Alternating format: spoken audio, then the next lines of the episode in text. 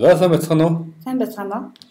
За өнөөдрийн сэдв маань харилцааны маркетинг гэдэг сэдвтэй байгаа. Харилцааны маркетинг гэж юу яриад байна? За харилцааны маркетинг гэдэг бол өнгөрсөн оноос эхлээд эрчээ авч эхэлсэн. За энэ нь болохоор ер нь хэрэглэгчтэй харилцах, тэдэнд хариу өгөх, зөвлөгөө өгөх те эргээд одоо борлуулалтад одоо ингэж чиглүүлдэг ийм маркетингийн одоо цоошин арга хэрэгсэл бодоод хөгжиж байгаа ийм зүйл байгаа. Тий. Аа. Ер нь харилцааны маркетинг гэхээр одоо гол нь жишээ одоо бидний хамгийн хэрэгжилж байгаа зүйлүүдээр нь юу вэ? Аа. Харилцааны маркетинг. Одоо ямар аргачлалууд байна? Ямар арга техникүүд байна? Ямар харилцааны сувгууд вэ? За харилцааны сувгууд гээд хамгийн тод жишээ бол одоо мессенжер байна. За ер нь байгууллага бүтээгдэхүүн үйлчилгээгээ танилцуулахдаа янз бүрийн одоо маркетинг сувгуудыг ашигладаг тий Facebook, Instagram гэдэг. За тэргээр дамжуулаад маш олон хэрэглэгчтэй харилцдаг. За тухайн хэрэглэгчид ингээд асуулт асуугаад мэдээлэл аваад за бүтээгдэхүүн худалдаж аваад тий тэр болгоны одоо тэр үйл явцыг одоо яг харилцааны маркетингийн үйл явц гэдэг. Юу яг маркетинг борлуулалт өөр харилцаан дээр илүү тийм угаасаа суурилж байгаа тийм. Нэг удаагийн сурчлага шууд борлуулалт болоход тийм нэлээд зам тоолоо. Тэгэхээр одоо харилцаад үүс таарна. Асуултууд, хариултууд бид нэр хэрэглэгчдийг бас ятгаж синхруулах аа бүтээгдэхүүн үйлчлэгийн ойлгомж ойлгомжтой танилцуулах. За дээрэс нь дахиад авалт борлуулалт дахиад харилцаа тий. За дараа нь харилцаа борлуулалтын дараа дахиад харилцаа үргэлжилж байна тий. Архив болохгүй. Тэгэхээр яг харилцаа өөрөө борлуулалт маркетинг өөрөө харилцаан дээр тулгуурлаж байгаа зүйл. Тэгэхээр энийг илүү одоо автоматжуулах хүмүүсийн гар утсанд байгаа харилцааны энэ хэрэгслүүдтэй холбож өгөх энэ ажлуудын тухай илүү харилцааны маркетинг чиглэж байна гэж ойлгож байна тийм. А тэрнээс биш ер нь тэртээ тэргүүл харилцааны маркетинг харилцаа өөрөө хэрэглэгч одоо борлуулагч хоёрын дунд байнга байж үүдэг зүйл тийм. За. А ер нь мессенжер тэгэхээр ер нь харилцааны маркетингийн гол одоо яг үндсэн гол хэрэгсэл бидний хувьд яг одоогор бол мессенжерийн тухай ярилцах гэдэг багш байна тийм. Мессенжерийн хэрэглээ ер нь энэ коронавирус юутай холбоотой ч гэсэн асар өндөр болттой гэж байна шүү. Жил бүр 4 тэрбумаар болчихж байгаа. Аа тийм. Илгээдэг одоо хүмүүс хүмүүс байгууллага хоорондын солилцож байгаа мессежийн тоо тийм Тэр нь болохоор 4 тэрбум орж байгаа. 2024 он гэхэд 23 тэрбум төгрөг хүртэл хандлагатай. Тийм. Тэгээд ер нь Zuckerberg захирч гэсэн өөрөө мэдгдсэн. Аа ер нь ингээд Facebook-ийн захирч. Тийм. Цаашдаа ингээд хүмүүс илүү ганцаардчсан хаалттай хувийн харилцааг илүү эрхэмлдэг болно. Тэ? Энэнд бол мессенжер аппууд маш их туслах болно гэж мэдгдсэн байгаа. Тэгээ энэний дагуу болохоор өнөөдөр хоёулаа яг энэ Facebook Messenger харилцааны маркетингийн амжилттай их одоо таван алхмыг хоёлаа танилцуулъя. Ер нь тэгээд яг энэ цаг үед ч гэсэн тийм энэ коронавирус гэж ярьж байна. Карантин хүмүүс гадуур гарах нь эрс багсахаас аргагүй бүгдээрэн бүр зарим улсуудад бол Монгол харьцангуй гайгүй зарим улсууд бол бүр гэрээс гарахыг хатуу хоригдсан байгаа тийм карантинд орсон байна. Тэгээ ийм тохиолдолд мессежийн ялангуяа Facebook Messenger-ийн хэрэглээ ялангуяа видео коллоор ярилцах хэрэглээ. Хоёр дахин өссөн. Facebook Messenger хэрэглээд 50% нэмэгдсэн гэсэн ийм үзүүлэлтүүд гарч ирлээ. Тэгэхээр ингээд уулзаж ярих чадахгүй юм шиг Messenger-ээр л устдад ярьж видео колл хийж амар мэндийг асууж одоо юу болж ин яаж ин гэж эсвэл ажлын хоорондын ярилцаа. Тийм өрнөж гэсэн үг шүү дээ тийм. Тэгэхээр ер нь бол энэ Facebook Messenger-ийн харилцаа хэрэглээ зөвхөн хувь хүмүүс хоорондын юм биш. Тэгээ байгууллага маркетингийн одоо ажилд ч гэсэн илүү их тустай ийм зүйлүүд байна гэсэн үг тийм.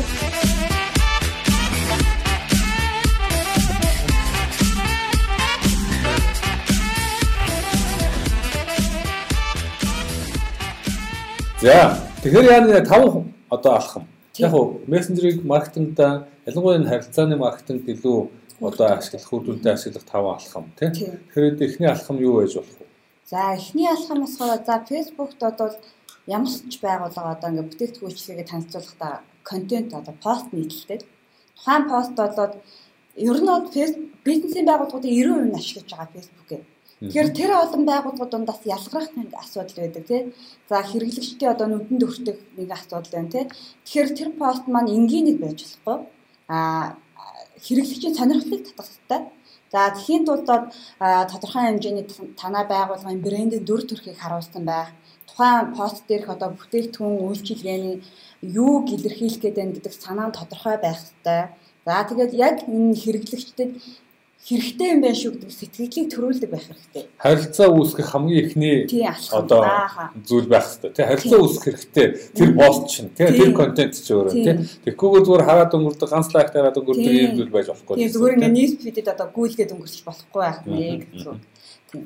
За тэгээд а хоёр дахь алхам байна. За зөвхөн одоо сонирхол татаад тэгээд нөгөө хүн маань ингээд орхичиж болохгүй сонирхлын дараа бол заавал үйлдэлт дуудах тавч байх хэрэгтэй. За жишээ нь одоо за та хэд хараад. За тэгэхээр тий.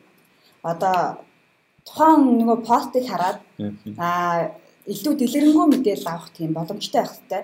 А пост дээр бол нэг доор олон мэдээлэл ингэж оруулсан байх нь хэрэглэгчдийн үзэнд нэгдүгээр самбраагүй харагдахаас ер нь уншихаас зайлсхийх тийм мэдрэмжийг төрүүлдэг.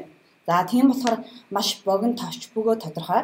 За илүү дэлгэрэнгүй мэдээлэл авах та тэд гэж комент хийнүү юм уу тийм. Сend мессеж товчтой даарна гэж юм. Тийм үү. Тэгэхээр энэ өмнө нь болохоор бид нар нэг яг иймэрхүү байдлаар аа постуудаа бэлддэг байсан. Бүх мэдээлэл оруулдаг. Ээ хүмүүс асуугаад идэг хэцүү. Тийм учраас одоо үн мөн яаж авах уу, юугаар хийсэн яасан бүх мэдээлэл оруулцгаая. За тийм мэдээлэл өмнө хийдэг байл одоо тийм постууд хийдэг. Тэгээ тийм контентууд. За одоо бол илүү сонирхож байгаа хүн байх юм бол илүү цааш нь дэлгэрэнгүй мэдээлэл аваач гэдэг ийм контентууд байна. Илүү харилцаа үүсгэхэд илүү үйлдэл дуудаж байгаа гэсэн үг тийм. Тэгвэл харилцаа үүсэхгүй усаад өнгөрчих магадлал байна.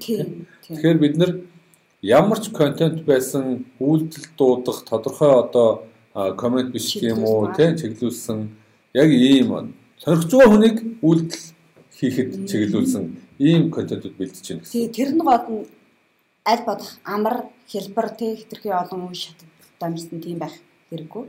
Тийм. За. За тэгэхээр одоо жишээ нь одоо энэ дээр зурагт харуулсан жишээ зурган дээр бол а та яг энэ энэ төрлийн худалдаа дэлгүүр худалдааны байгууллага зориулсан чатботыг сонирхож байвал та 99 гэсэн коммент бичээрэй гэсэн шүү дээ тийм. За жишээ яг сонирхож байгаа хүн нь ийм үйлдэл үзүүлээрэй л гэсэн ийм урэж ийн гэсэн үг тийм. Ахаа. Зөв. Тэгэхээр бид нар ч гэсэн адилхан бүхэл байгууллагуудын хувьд а юу бол одоо тодорхой контент бэлдэж байгаа бол тийм контент бэлдэж байгаа бол сонгосон хүн ямар хариу үйлдэл үзүүлэх гэдгийг маш тодорхой бас харуулсан байх хэрэгтэй гэсэн үг. Тэгэхээр жишээлбэл бид нэр одоо ийм контентууд илүү их одоо постууд илүү их хийдэг болсон. Одоо жишээлбэл та илүү дэлгэрэнгүй мэдээлэл авах бол нэг гэж бичээрэй гэж байна. Тийм. Дахиад адилхан хүмүүсийн контент коммент бичүүлж дээрээс та үнэхээр сонирхож байгаа бол цаашаа дэлгэрэнгүй мэдээлэл ингээд авах боломжтой шүү гэдэг арга замыг зааж өгч байна тийм. Тэгэхээр бидний хувьд зүгээр ингээд аа ердийн ньюсфидэд уншаад өнгөрөх контент бичгээс айлуулах татгалздаг болсон тийм. Тэгэхээр тэр тал дээр л бас харилцаа үүсгэх хамгийн чухал алхмуудын нэг бас энэ шүү тийм. Тэгэхээр бид нэр тэр одоо энэ үүссэн харилцаанаас юу мэдж авах вэ гэхээр энэ хүн энэ бүтээгдэхүүн сонирх магадлал байна гэдгийг мэдж ав. Тийм. Цааш нь дахиад илэрхүү мэдээллүүд илүү цааш нь одоо урамшууллын худалдаж авах сэтэл төрүүлэх бусад одоо мэдээллүүдийг чатбот ботор дамжуулаад өгөх боломжтой болж байна гэсэн үг шүү дээ. Энэ зөвхөн шууд ингээд борлуулалтын хэсэг дээр явж. Илүү цаашлах юм бол дахиад өөр өөр одоо контент бичих боломжтой тийм. За дараагийн 3 дахь алхам. За. За 3 дахь нь бол за send message гэдэг дараа ч юм уу комент бичээд орж байгаа хүн нэмэлт дэлгэрэнгүй мэдээлэл өөртөө хүснээрээ сонголтоор үзээ явчихдаг сонгоод сонгоод. Тэрний илүү одоо нөгөө тухайн хүнийг залхаахгүй тэгээ хитрхийх мэдээллээр ингээд хүсээгүй мэдээллийг авах ч юм уу тийм дургуутсад хүрэхгүй байх даваа. За тэгэхээр өөрөөр хэлбэл юу гэсэн үг вэ? Одоо жишээлбэл саяын аа 99 гэж бичээрэй гэсэн юм одоо пост байна тийм. Энд дээр 99 гэж бичих юм бол цааш нь өөрийнх нь хэрэглэгч өөрийнх нь хүсэж байгаа нэмэлт мэдээллийг өөрөө сонгоод авах юм боломжуудыг олгож байна гэсэн үг шүү дээ. Одоо жишээ нь 99 гэж бичингүүс зөвхөн дэлгүүр худалдааны салбарын ботын тухай мэдээлэл очоод тий За тэгээд бүх хүний мэдээлэл тухайн одоо үйлчлэгээний онцлогийн мэдээллийг авчихсан дараа нь юу хийж болох вэ гэдгээ маш сайн тооцоолоод үе шаттай ингээд үйлчлэгдэх дууд бол зүгээр. Тэгэхээр одоо ингээд жишээлбэл бодит харилцаа үүсгэх боломж байгаад байна шүү дээ одоо. Ааха тийм. Утасныхаа дуурайг тавиа шууд залгуулж болж байна. Тийм. Тэгэхээр тэрний оронд яагаад заавал релиз гэж бичүүлээд боттойгоо холбоод ингэж явах гэдэг. Аа чатботыг ашиглах юм бол тухайн хүнийг бүртгэж авдаг. Тэгээд аа тийм. За тэгэхээр одоо яг над хэрэгтэй байх гэсэн үг. Тийм. Гэхдээ хэрэглэгч тал дээр. Хэрэглэгч тал дээр болохоор аа ер нь одоо жишээ нь пост дээр айгүй их мэдээл бүх үн мөн одоо бүх онцлог бүгдийг ингээ багтаачлаа гэж бодъё те. Тухайн ер нь хүмүүс ингээд постны тайлбараас хэтэрхий текст байхад уншдаггүй. Дуустал нь бүр ойлгохтлоо уншдаггүй. Тийм болохоор ингээд тухайн үнийг ингээд үе шаттай ингээд явуулаад Гэхдээ яг одоо жишээлбэл утасны дугаар өгч гэсэн тэгэл бодитоор шууд чам руу залгаад одоо ботын талаар мэдээл авах нэг хэрэг байна. Тийм. Гэхдээ ажлын бус цаг байж магадгүй амралтын өдөр байж магадгүй уцаар залгахаар нь чиний утас чинь завгүй бизи байж магадгүй уцаар залгаад уцаар ярихад гой төсөөлж тайлбарлаж өгөхөөс илүү зургаар видеогоор чат ботоор дамжуулаад үзүүчүүл илүү хялбар байж магадгүй гэдэг ингээд илүү олон даваатлууд байна шүү дээ. Тэгэхээр юусан чат ботын хувьд одоо харилцааны цаг хугацааны хязгаар байхгүй. Дээрэс нь янз бүрийн байдлаар дүрсэлж харуулах боломжууд олгож байна тий. Тийм учраас бас дахиад харилцааг сайжруулах тухайн хүний хүссэн нэмэлт мэдээллийг нь тэр доор нь алдаа мадаггүй өгөх юм боломжууд олгож байна гэсэн үг шүү дээ. За чатботод одоо мэдээлэл зөвл оруулсан байвал алдаагүй ажиллаа л юм.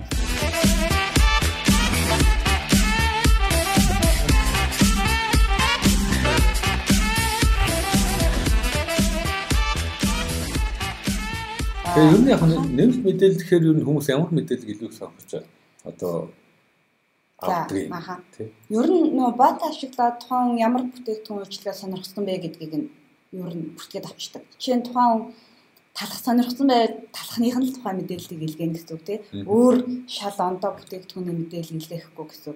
Тэгэхээр тухайн талхыг одоо яаж яах вэ тийм талхтай одоо магадгүй талх яаж барих уу гэдэг ч юм уу тийм нэмэлт тийм сонирхолтой зөвлөгөө өгөөд хүмүүс өгөх боломжтой болно. Зүгээр юм бүтээгдэхүүний үн тариф юунаас гадна дахиад яг тэр сонирхолтой холбоотой бусад хэрэгтэй байж болох мэдээлэл өгөх боломж гарч ирж байгаа гэсэн үг шүү дээ. Ааха. Тийм.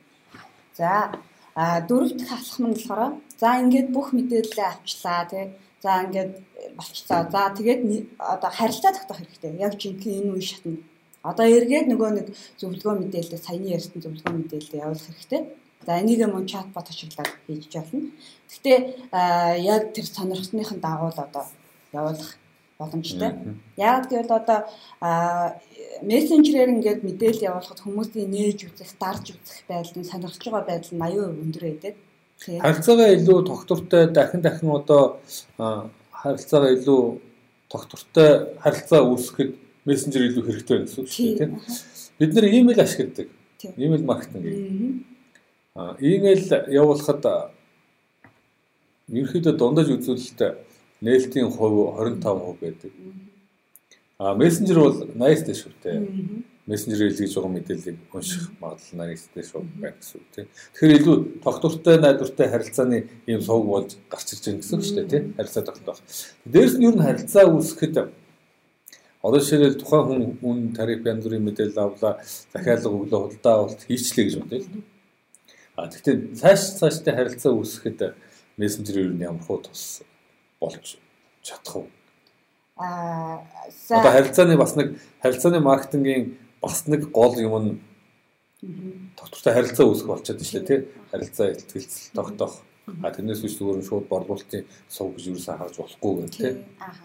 За мессенжер ашиглаж байгаа за яг таны зөв борлуулалтын сув гэж харддаг байх ёсгүй. Тухайн хэрэглэгчид нэг энгийн автоматжуулалт байна да гэсэн тийм сэтгэлийг бол төрүүлж болохгүй а мессенжер бол тийм амьд мэдрэмж тий тухайн хүнд одоо тийм дотны мэдрэмж төрүүлэх хэрэгтэй. Өөрийн гэсэн дүртэй байх хэрэгтэй тий. За сайн байна уу танд өдрийн мэндэ тий би танд ингээд ийм зөвлөгөө ийм танд хэрэгтэй мэдээллийг санд болгож байна шүү. За тий тийм нэг дүр ч юм одоо менежер ануу гэдэг ч юм уу тий тийм дүртэй тэгээд тийм амьд мэдрэмж төрүүлэр тухайн хүн ингээд хүлээж авах нь илүү байдаг. Тэгээд дээрэс нь яг одоо жишээлбэл утсаар холбогдоод юм асуусан хүн рүү би шинэ бүтээгдэхүүн одоо эсвэл нөгөө асуусан бүтээгдэхүүн байхгүй байх үед байсан. Тухайн уцаар залгах үед. А нөгөө бүтээгдэхүүн ирсэн тохиолдолд яаж буцааж мэдэх вэ гэдэг тухай тийм. Нөгөө уцаар залгасан хүнийг усны дугаарыг нь олно энэ хүн юу асуусан бэлээ гэдгийг санах хэрэгтэй болно. Тэгээ тэр бүтээгдэхүүнийг нь буцаад ирчихсэн шүү манайд одоо. Эсвэл урамшуулттай болцсон шүү гэдэг ийм мэдээлэл явуулах хэрэгтэй болчиход байдаг тийм. А харин мессенжерийн хувьд бол хамаагүй илүү тийм боломжууд байна гэсэн тийм. Энэ хүн юу сонирхсан байна? Тухайн үед бүтээгдэхүүн байхгүй шинээр одоо нэмэлт шинэ бүтээгдэхүүн татаж аваад ирлээ. Эсвэл урамшуулттай боллоо гэдэг мэдээллийг тэр хүн дахиж одоо сануулж явуулах юм боломжууд бас байна гэсэн үг тийм. Эсвэл яг нөгөө бүтээгдэхүүнтэй холбоотой дараа дараагийн зөвлөгөө заавар сайн ярьсан энэ зүйлүүдийг бас буцааж тухайн хүн одоо илгээх боломжууд. Мессенжер дээр хамаагүй илүү сайн гэсэн үг тийм. Тэгээд дээрэс нь ер нь харилцааны дахиад нэг чухал зүйл бид нэр хэрэгцээ мэдээлэл маш сайн бүртгэж авч үлдвэл зүгээр баг. Тэгээ одоо жишээлбэл CRM-тэйгээ холбогдсон юм уу? Эсвэл ядчил Google Sheet дээр тухайн хэрэгжлийн мэдээлэл бүртгээд авчдаг юм уу тийм. За тэгэхээр энэ тохиолдолд ер нь ямархуу байдлаар ашиглав. Одоо ер нь бидний хувьд ашиглаж байгаа туршлагууд ер нь юу яаж ашиглаж байгаа? Мессенжерээр орж ирж байгаа хүмүүсийг хоёр янзаар бүртгэдэг. За нэгдүгээр тухайн хүн ямар үйлдэл хийж ин алхам болгоныг бүртгэдэг гэсэн үг байна аль бүтээгдэхүүн жишээлбэл одоо ямар үйлдэл хаалга өгсөн үү үгүй юу те ямар бүтээгдэхүүнийг сонирхсан байна үгүй эсвэл ямар мэдээлэл үзчих бай. Тэр эсвэл хэрэгцээг тодорхойлох нэг зүйлүүд байж болно. Тийм. Бүрийн сонжоо монжоо санал асуулга тий зөвлөгөө. Тэгээд танд ер нь иймэрхүү мэдээлэл, иймэрхүү бүтээгдэхүүн эсвэл ийм үйлчлэл хэрэгтэй байна гэдгийг санал болгож болно шүү дээ тий. Тийм. За энэ төрлийн бүртгэл байдаг. Хоёрт нь болохоор тухайн ингээд одоо манай бүтээгдэхүүнтэй холбоотой саналаа хэлдэг ч юм уу те эсвэл захиалга авдаг ч юм уу магадгүй барилгын салбарт нэг уулзалт тавуулдаг ч юм уу те тэр нөхцөл байдал тухайн хэрэглэгчийн зөвшөөрөлтөөр өөрсдийнх нь мэдээллийг авдаг. Жишээлбэл юм. Одоо жишээ нэр утас ч юм уу те магадгүй имэйл хаяг. Тийм Тэр нь бол эргээд зөвхөн мессенжерээр харилцах биш бас гар утсыг нь борлуулалтын өндөөгөөд эргэж холбогддог ч юм уу. Имэйл дээр нь имэйл маркетинг хийдэг ч юм уу тийм. Зөв сурталчилгаанда тухайн мэдээлэл ашигладаг ч юм уу. Ийм байдлаар бүртгэдэг бас идэг. Тэгэхээр одоо барилгын компани жишээлбэл манай за барилгын одоо ямар ч компани байгуулга байж болно. Энэ барилгын компани дээр жишээ авахад тухайн бараа бүтээгдэхүүний мэдээлэл тухайн байрны мэдээллийг санахж үзэх юм бол өө тантай цаг товлоод буцаагаад холбогдъё. Та ирээд үз. Утасны дугаараа нэртэйгээ өгч тэгэнгүүт тэр мэдээлэл нь авчина. Авангуудаа борлуулалтын ажилтар нь ийм хүн ийм байр сонирхч юм шүү. Утас нэрний ийм байна. Та холбогдоод цагаан товлоод ингээд хүнтэй үзүүлэлт шаруулаарай гэдэг юм мэдээлэл болсон шүү дээ тийм. Тэгээ тэрний мэд чинь бид нар юугаар явуулж болох боломжтой. Иймэйл явуулж болох байх. Тийм. Бүртгээд авсан хэрэглэж байгаа мэдээллийг ийм хүн бүртгэдэй шүү гэдэг имэйл. Эсвэл бид нар Slack ашигладаг тийм. Гар усны аппликейшн дээр сонирхож байгаа үйлчлэгээр дамжуулаад Slack-аар бас мессеж явуулж болж нь бодлоготой хүмүүс рүү. Эсвэл зүгээр ердийн Google Sheet руу нэмэлт Excel үүсгэж болж болно тийм. Тэндээсээ shared Google Sheet байна. Надтай борлуулалтын ажилтнтай холбоотой одоо share гэдэг аль аль нь орж үздэг тийм. Тийм. Нэг хүн мэдээлэлээ өнгөд автоматар нэмэгдээл эмгэгцэгтэй үүсэл тийм. Нэг хүн мэдээлэлээ тухайн менежерийн имэйл дээр мэдээлэл очдог ч юм уу тийм. Тухайн байдлаар ингээд автоматар ингээд яваад байна.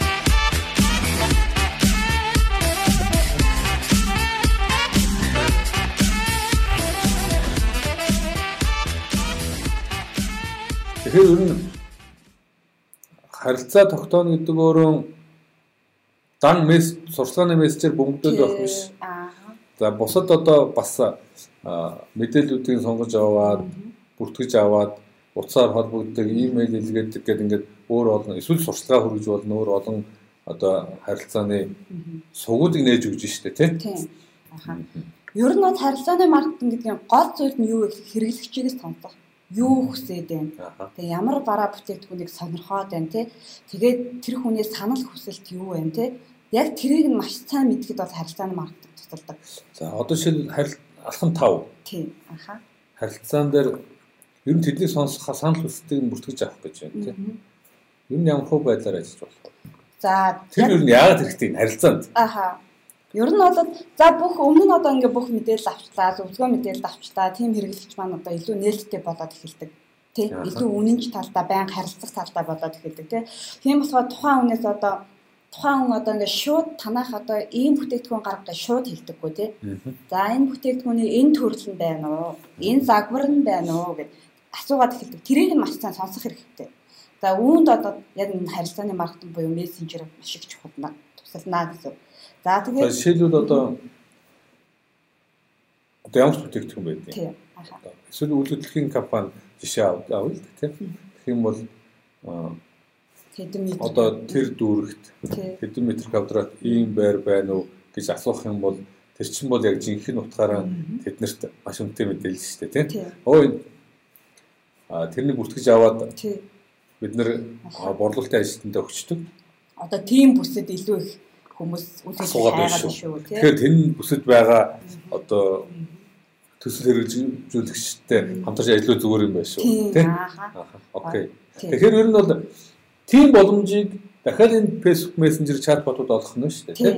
За жишээлбэл тэрнийг ямар хөө байдлаар шийдвэл зүгээр. Одоо жишээ шинэ бүтээгдэхүүний санал өгдөг тийм хүмүүст одоо ямар хөө байдлаар За одоо хүмүүс хариу үйлдэл үзүүл дараа нь мэдэгдэж тэгээ эсвэл одоо ий бүтээгдэхүүн ийм үйлчлэгээ оруулж ирэх хэрэгтэй маань хамгийн их асуудал зүйл энэ юм байна шүү гэдэг ч юм уу.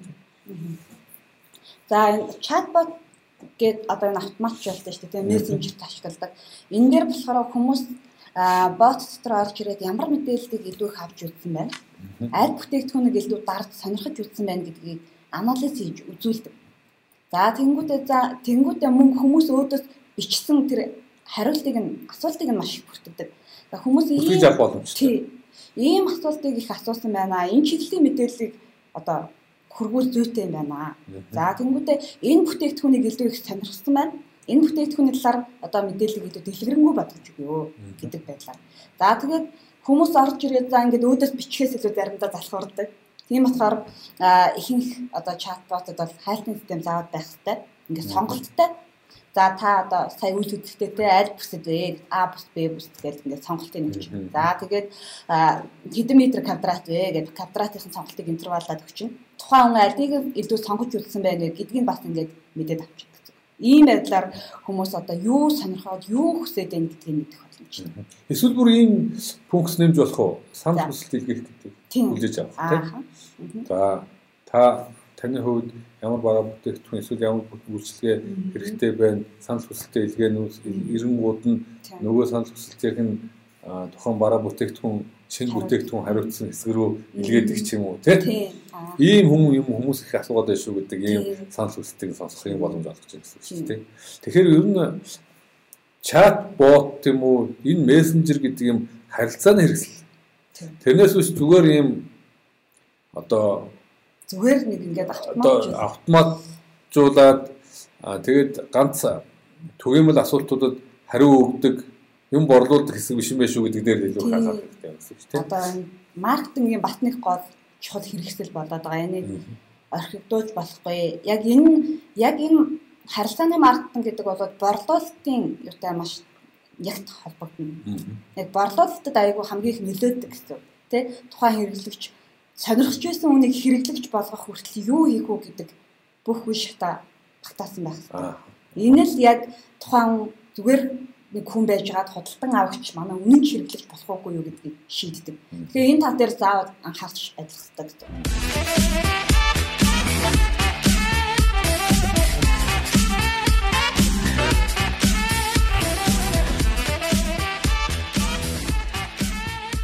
тэгэхээр харилцааны маркетингийн одоо таван гол одоо алхмыг бид нэр ярьслаа шүү дээ сая тийм хэрэглэгчдийн эхлээд харилцаа үүсгэх харилцаа бий болох харилцаа үүсгэх тийм шалтгаан өгөх сонирхолтой контент бэлдэж. Ааха. За хоёрдугаарт болохоор зөвхөн сонирхол татаад хэрэггүй. Тэгэх юм бол бас л адилхан танай маркетинг борлуулалтын энэ зорилгод нөгөө контент чинь үүсэхгүй гэж магадгүй. Амар олон лайк шеэр Тэ тийм. Тэгсэн мөртлөө зогсчдаг. Хэрэгтэй хүнийг сорих байгаа хүнийг хэрэглэгч болгох талаар ганц ч алхам хийхгүй байх юм бол эн чинь өөрөө бөө цаг хугацаа ажлын одоо үргүү өнгөрөх юм магадлал гарч ирнэ гэсэн шүү дээ. Тийм учраас дараагийн чухал алхам үйлдэл дуудаа заавал гэдэг байна тийм. тий. Аа. Ядчил одоо нэг юм хамгийн энгийнээр үзэх юм бол ийм үе шатуудын хувьд нэг ийм үе шат байна шүү дээ тийм. Ааха. За ямар үе шат вэ гэхээр бүтээгдэхүүнтэй танилцуул, үйлдэл дууд Гэтэ сонирхолтойгоо сонирхолтойгоо танилцуул тийм. Хэрэгтэй хүнд нь хэрэг болохоор. За дээр нь сонирхож байгаа хүмүүсийг ямар үйлдэл бид нар дуудах байгаа юм бэ Ааха. дахиад заавал хэлж өгж хялбаршуулж өгнө. Тий. Сонирхож байгаа хүн одоо яах юм бэ гэдгийг нь Тийм. илүү ойлгомжтой хэлбэр болгож өгнө тийм. За Тэгээд асуудлыг шийдэж өг. Сонирхоод орж ирсэн хүний асуудал- ямар асуултууд байгаа юм? Тэрнийг нэг хэлбэр хариулдаг юм боломжтой Ааха, хэрэгтэй тий. тийм. Тэгэхгүйгээр одоо үнэхээр танаа бараа бүтээгдэхүүн бүтээгдэхүүнийг сонирхож байгаа хүн Мгм. худалдаж авахын тулд танаа ганц сурталчилгааг хараад худалдаад авах нь шудлаа баг. Тий. хэрэг маш ухаалаг, маш их судалдаг тий. Асар их асуултууд асуу харьцуулж үзнэ. Тий. Тэгээ энэ дээр танаа а, бид нар бэлэн хариултуудтай байх хэрэгтэй. Тийм. Бэлтгэхтэй. За тэгээд ер нь зарим байгууллага ажилтнуудаа комент хэсэгт үнэ бичиж зарим нь бүр ууралсан тий. Тийм. Байж болохгүй яг гэсэн үг. За тэгээд Яаж ч одоо үн асуухаар үнэ яаж хариулах уу гэдгээ бодсон байх хэрэгтэй тийм. Тэртээ тэргүй үн чин байсан байгаагүй хүмүүс асуу. Тийм.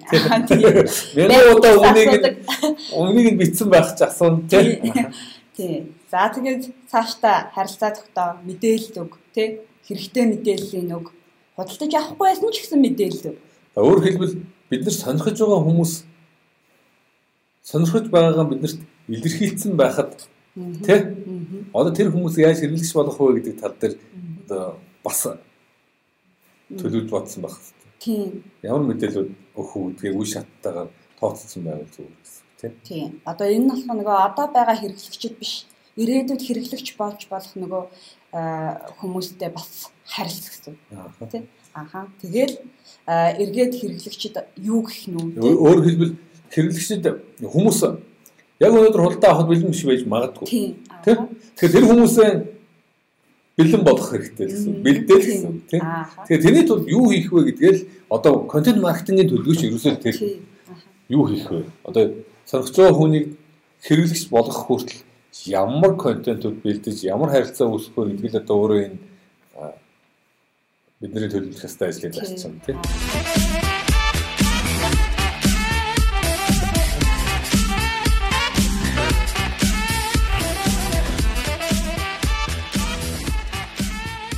За дараа нь хамгийн сүүлийнх нь хэрэглэгчээ сонсох санал хүсэлтээ авах гэсэн. Мгм. Ер нь харилцаа тогтоосны үр дүнд л хэрэглэгчийг сонсох боломжтой. Тэгэхгүй бол гинт ингээд та э, юу хүсэж ийн гэж асуухаар хэрэглэгч юу хаалттай хариулдаг. Тийм. Тэг ингээд найрсаг, нөхөрсөг тий ингээд байнга мэдээлэл өгчихсэн. Тийм байдалд хэрэглэгчид нээлттэй болдог. Тийм болохоор ингээд харилцаа тогтоосны үр дүнд яг энэ таван алхмын хамгийн сүүлд нь хэрэглэгчээ сонсох боломжтой гэсэн. Тийм. Дээрээс нь хэрэгс сонссноор дахиад бид нарт дахиад давуулууд гарна. Хүмүүс юу хүсэж байна? Тийм. Ааха. Аа, ямар бүтээгдэхүүн үйлчлэгээ хэрэгтэй байна гэдэг мэддэг болно тийм. Тэгэхээр ер нь бол энэ өөрөө нэг юм аа, зайлшгүй байх ёстой Тийм. алхмын нэг л. Тийм. Ааха. Бид нар нэг юм шал өөрөө одоо хүмүүс хэрэггүй ба- бараа бүтээгдэхүүн гаргачаад Зарах гал. зарах гээд жишрээд байгаа ч юм уу юмыг яаж мэдэх юм бэ тий. Тийм учраас хүмүүс үнэхээр энэ чи хэрэгтэй байна уу юу хүмүүс ер нь юу сонсч юу сонирхож юу хүсэж байна гэдгийг сонсч байх нь л хэрэгтэй байна гэсэн үг шүү дээ тий. Ааха. Окей. Тэгэхээр өнөөдрийн хамгийн гол одоо ярилцахад бол зүйл маань харьцааны маркетинг гэдэг шин ойлголт одоо их бүр цоошин зүйл биш. Тийм. Гэхдээ шинэ ойлголт илүү их одоо давмгай яригдаг болсон. Ялангуяа мессенжерийн аппликейшнууд мобайл аппликейшнууд одоо хамгийн өндөр хэрэглээтэй мобайл аппликейшнуудын нэг болсон. Тийм. Facebook Messenger, Viber. WeChat. WhatsApp хамгийн өндөр хэрэглээтэй аппликейшнуудын нэг. Тэгээ энэ л хүмүүс хоорондын зөвхөн хүмүүс хоорондын биш, бизнес хүмүүс хоорондын харилцааг бас өөр төвшөнд гаргаад байгаа. Тэгээ тийм учраас энэ дээр яаж илүү үр дүнтэй ямар байдлаар ашиглаж болох вэ? Юун дээр анхаарч болох вэ? Маш энгийн таван жишээ. Та ч гэсэн өөрийнхөө аа, харилцааг ямар төвшөнд байна? Тэгээ яг энэ дурдсан үе шатуудыг бид нар бас хэрэгж чадж байна уу гэдэг дээр бас дахиад нэг хараад үзээрэй. Яаж сайжруулж болохоор байна гэдгийг харж байна. Бид нар бас яг энэнийг тооцоод одоо бас хөгжүүлсэн чатботын бэлэн загвар темплейтүүд бас бодлуулж байгаа тийм. А яг хаа харилцааны маркетинг гэсний учир нь юу вэ гэвэл за яг хаа дан ингээд мессенжер гэдэг бол дан ийм асуултанд хариулах тийм функцтэй одоо сууг байха болцсон тийм. За хэрэглэгчийг бүртгэн тий контентийг хүргэн видео зурган нийтлэл ямар ч контентийг хүргэж болно. За тэгээд эргүүлээд одоо мэдээлэл хийдгэх тий тэр бүх үйлдэлүүдийг ингээ багтаачихсан. Энэ үйлдэлүүдийг яг зөв оновчтой төлөвлөд хийж чадах юм бол борлуулалт гэдэг зүйлийг үе шатыг нь илүү богиносгоод хэлбэрчлээд э, яах боломжтой болсон гэсэн үг. Тэгээ ер нь яг хуу хэрэглэгч борлуулалт одоо тухайн сонирхож байгаа хүн манайхаас худалдан авалт хийх хүртэл худалдан авалт хийсний дараа ч гэсэн янз бүрийн одоо харилцааны цэгүүд асар их тийм. Шууд танай постыг харангуудаа мессенжер рүү чинь ганц хоёр мессеж бичингуудаа худалдан авалт хийгээд тэгээд дараа дараагийн худалдан авалтаа танахаас шууд хийгээд ингэж явдаг ийм амар энгийн хэлбэр төсөөлөл байх байхгүй болчиход байдаг тийм. Манайхс мэдээлэл авлаа дараагийн байгууллагатай холбогдоод харьцуулт хийлээ. Тэ? Тэнгүүд тэднийх юмтхан байх юм бол тэднэртэй бас ярилцсан. Тэнгүүд нь араас нь бид нар хөөе хөөе та манайхан мартаагүй бид нар бас нэг ийм байгаа шүү гэдэг юм хэлнэ. Тэнгүүд манайх руу хандна. Тэнгүүд за энэ одоохондоо энэ мөнгийг төлөхөд бол бид нар тиймэрхүү байна. Тэгэхээр жоохон хүлээсний цаг хугацаа жоохон ийм байна. Хүлээсэнж болно. Тэ? Ингээд ингээд өргөсөлж эхэлнэ. Тэгээ энэ харилцааны энэ цэгүүдийг л нэг хүн удаагийн цэг болгоод бити хайчаарай гэсэн үг шүү дээ. Тэгээ байнгын харилцаа тогтоод хүмүүс тэр дор нь худалдаа авахгүй байж магадгүй гэхдээ танах харилцааг нь тасаж болохгүй л гэсэн үг тийм. Тэр харилцаа л танд. За худалдаа авчлаа тэрний дараа дахиад. Асар их асуудлууд гарна. Тэр хүн дахиж худалдаа авах гэж магадгүй. Тэгэхээр магадгүйгээс гадна асуултууд гарч магадгүй. Өө энэ чинь юусэн ийм байж. Миний сонирхож байсан зүйл биш байна Яаж ашиглах уу, яаж өөрчлөх үү тий анхаа ингээд гарчдаг. Эсвэл бүр буцааж магадгүй, эсвэл дахин дахин олон давтан худалдаа авалтууд хийж магадгүй, цааш нь дамжуулж магадгүй. Ингээд эн чинь өөрөө харилцаа үргэлжлээл явах зүйл. Тэрнээс ганцхан удаагийн одоо мэдээлэл өгөх юм зүйл биш шүү гэсэн тий. Тэгээ дээрэс нь яг Facebook-ийн өөрийнх нь бодлогоос хамааруулаад бас харилцааг илүү сайжруулах хэрэглэгчдийг бас арай өөр харилцаа үүсгэх хэрэглэгчдийн мэдээллийг хадгалж авч үлдэх энэ эсвэл дахин дахин шинэ харилцаа бий болгох ийм шаардлага зайлшгүй гарч чадав. Тэгэхээр дахиад адилхан өмнө байдаг ердийн нэг нэг бот дээр юм асуусан хүмүүс рүү буцаагаад мессеж явуулцдаг. Бүтэнд нь марс арна тий. Маа маад нэг юм ирсэн шүү шинэ юу яасан шүү гэдэг ийм боломж маань хязгаарлагдсан болчихсон учраас дахиад бото харилцаагаа өөр төвшөнд гарах юм дайсгүй шаардлага гараад байна.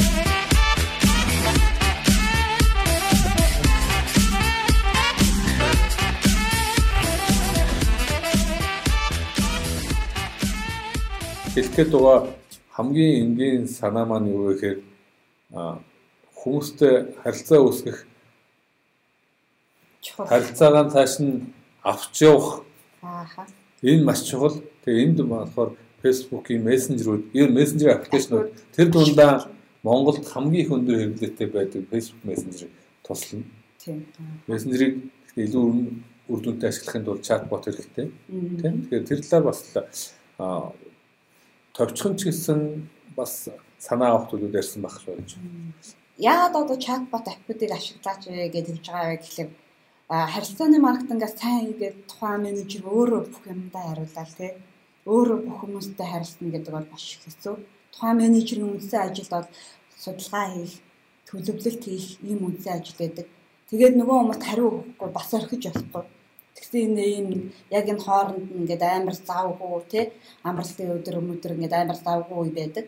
Тэгээд та ингээд энэ бүх асуудлыг одоо шийдэж болох хэрэглэгчдэд ингээд бүрэн цогцоор нь мэдээлэл өгч болох За нэмээд одоо бүртгэж үүсгэж олгох мэдээлэл ингээд бүртгэж олох юм автоматжуултыг ашиглаад танд илүү зардал ч юм нэг цаг хугацаа ч юм нэ. Тэгээд дээрэс нь яг одоо энэ нэг юм хөл хорио цээр аа түрүүний яг бодит харилцаа үүсгэх боломж их хязгаарлалтнууд болоод байна тийм. Одоо байгууллагууд манай байгууллага жишээлбэл харилцагч аа эсвэл сургалт бусад хүмүүсийг офис дээр авчих юм болсон. Хөө хэдэн видео кол хийчи аа тим вьюрээр холбогдчихий гэдэг ч юм уу хөө байлаа. Ресторан юунууд яг эзлэх нь хүмүүс ресторан орж хоод идэхээсээ илүү захиалаад хөрвүүлээд авчдаг эсвэл бэлэн болохоор нь өөрөө ороод аваад гарчдаг иймэрхүү байдлаар ч юм уу онлайн худалдааны байгууллагууд бас адилхан худалдааны байгууллагууд ингээд ерөөсөө энэ нөхцөл байдал арай жоохон өөрчлөгдөж байгаа учраас энэ зүйлүүд маань илүү одоо энэ мессенжер туслах ба. Тэгээд дээрээс нь саяын ярьсан жишээ те бусад улсуудад яг Монгол дахь мэдэл гэхдээ дэлхийд даяар ялангуяа коронавирус маш их одоо ингээд тэгдэж байгаа. Ийм улсуудад тийм ийм улсуудад мессенжерийн хэрэглээ хоёр дахин өссөн гэсэн юм мэдээлэлүүдийг Facebook засч байгаа. Facebook ачааланд авахгүй бид нар зарим одоо яг видео коллын чанар мааныг бууруулдаг юм. Ийм хөв байдал харах хэмжээ авч байгаа гэсэн ийм мэдээлэл гаргаж ирээ. Тэгэхээр энэ маань өөрөө биднэрт яг энэ цаг үедээ бизнесийнхаа нөхцөл байдлыг яаж уйлдуулж ажиллах вэ те? Боот яаж хэрэглэх вэ? Заавал одоо хүнтэй уцаар яриад эсвэл нүүр туулж очиод тий ингэж уулздаг энэ цаг үеэс өнгөрөөд байгаа учраас бас л бидний хувьд өөрчлөлт гаргасан. За түрүүний таван алхамтай таван алхамтай схем харуулж гинэ. За одоохон бормоо. За саяын нөгөө нэг таван алхам хамгийн энгийн зайлшгүй анхаарах ёстой харилцааны харилцаан дээр зайлшгүй анхаарах ёстой энэ таван зүйл тийм. Бүтээгдэхүүн үйлчлэгийг сонирхолтой хүний анхаарал татхуйц харилцаа үүсгэх хамгийн ихний одоо цонх болгож танилцуулах хэрэгтэй. Дараа нь болохоор үйлдэл дууд тэр соргсон хүнийг юу хэлэх гээд байгаа юм гэдгээ маш ойлгомжтой тодорхой байлга. Жишээлбэл та сонирхож байгаа дэлгэрэнгүй мэдээлэл авах бол нэг гэж комент бичээрэй гэдэг ч юм уу тийм. Тренд мессеж тавч дарна уу гэдэг ч юм уу тийм. Ямар ч харилцаа үүсгэх талаар та өөрөө тодорхой аа маш тодорхой одоо үйлдэл ямар үйлдэл хийж хийх ёстой гэдгийг тодорхой хэлж байна. За тэгээд соргож байгаа хүмүүсийн асуулт хариултууд маш сайн хариул одоо цаг тухайд нь үнэн зөв тодорхой нэмэлт мэдээлүүд авах тийм сонголтуудыг гаргаж өгөх хэрэгтэй тийм. Тийм. За тэгээд яг энэ яг энэ эхний гурван алхмын үндсэнд бол харилцаа тогтоох боломжтой болоод эхэлнэ. За тэгээ харилцаа тогтоосноор та ингээ мэдээлэл өгөх боломжтой болоод эхэлнэ тий. За мэдээлэлээ өгчлөө нөгөө хэрэглэгч маань ингээ мэдээлэл авч та харилцаа тогтоолттой илүү нээлттэй болсон учраас тухайн хэрэглэгч юу хүсэж байна гэдгийг сонирхох за одоо судлах тий боломжтой болж байна гэсэн. Тэгэхээр яг хуу дахиад адилхан харилцаа гэдэг маань нэг л удаагийн зүйл биш. Нэг асуухаар нь хариулчаад таг болчих болохгүй. Дараа дараагийн одоо алхам. байнгын харилцаатай байх алхмуудаа заавал хийж төлөвлөл тийм хэрэг хүн хэрэглэгч яг одоо худалдан авалт хийхэд бэлэн биш байж магадгүй. Тийм ч бас харилцаагаа тогтмол цааш нь үргэлжлүүлж авч явал гэсэн. Ерөнхийдөө нэг иймэрхүү зарчмын талаар л өнөөдөр ярилцлаа хэдүүлээ. Яг эдгээр таван алхмыг та ингээд төлөвлөлт хийгээд тохируулах юм бол заавал алхам болгон дээр та ажиллах албагүй те автоматжуулалт ингээд чатботтой даатгах бүрэн боломжтой байгаа. Аа мөнх бэлэг санхүү танай байгууллагт хамтран ажиллах боломжийг эрсгэлж байна уулзаж мэд. Ер нь хөл уулзахад бид нар яг одоогийн байдлаар бол яг нөгөө энэ нэг 20 цаар янз бүрийн юмнаас болоод бид нар илүү видео кол гэдэг утсаар ярилцдаг юм уу? Шууд видео кол хийгээд байгаа. Тэгэхээр эхний удаад бол хэдүүлээ тиймэрхүү байдлаар утас видео кол ийм хэлбэрээр холбогдох юм боломжтой. За тэгээд хамтарч ажиллах боломжууд ер нь үйлчлэгээний үйлчлэгээний багц энэ мэдээллүүдээ имэйлээр явуулаад ингээд харилцаагаа цааш нь хамтын ажиллагаа цааш нь үргэлжлүүлж ингэж болох байхаа тий. Тэгэхээр хэдүүлээ ямар ч байсан юу хийх хэрэгтэй одоо уулзаж ярилцах бол эхний удаад видео кол хийгээд ингээд ярилцаад ингэж болно шүү. Мөнх хүлгээ санхүү тий. Би мессенжер Facebook Messenger байна, Viber байна. Нээлттэй. Тий, баярлалаа. sabe?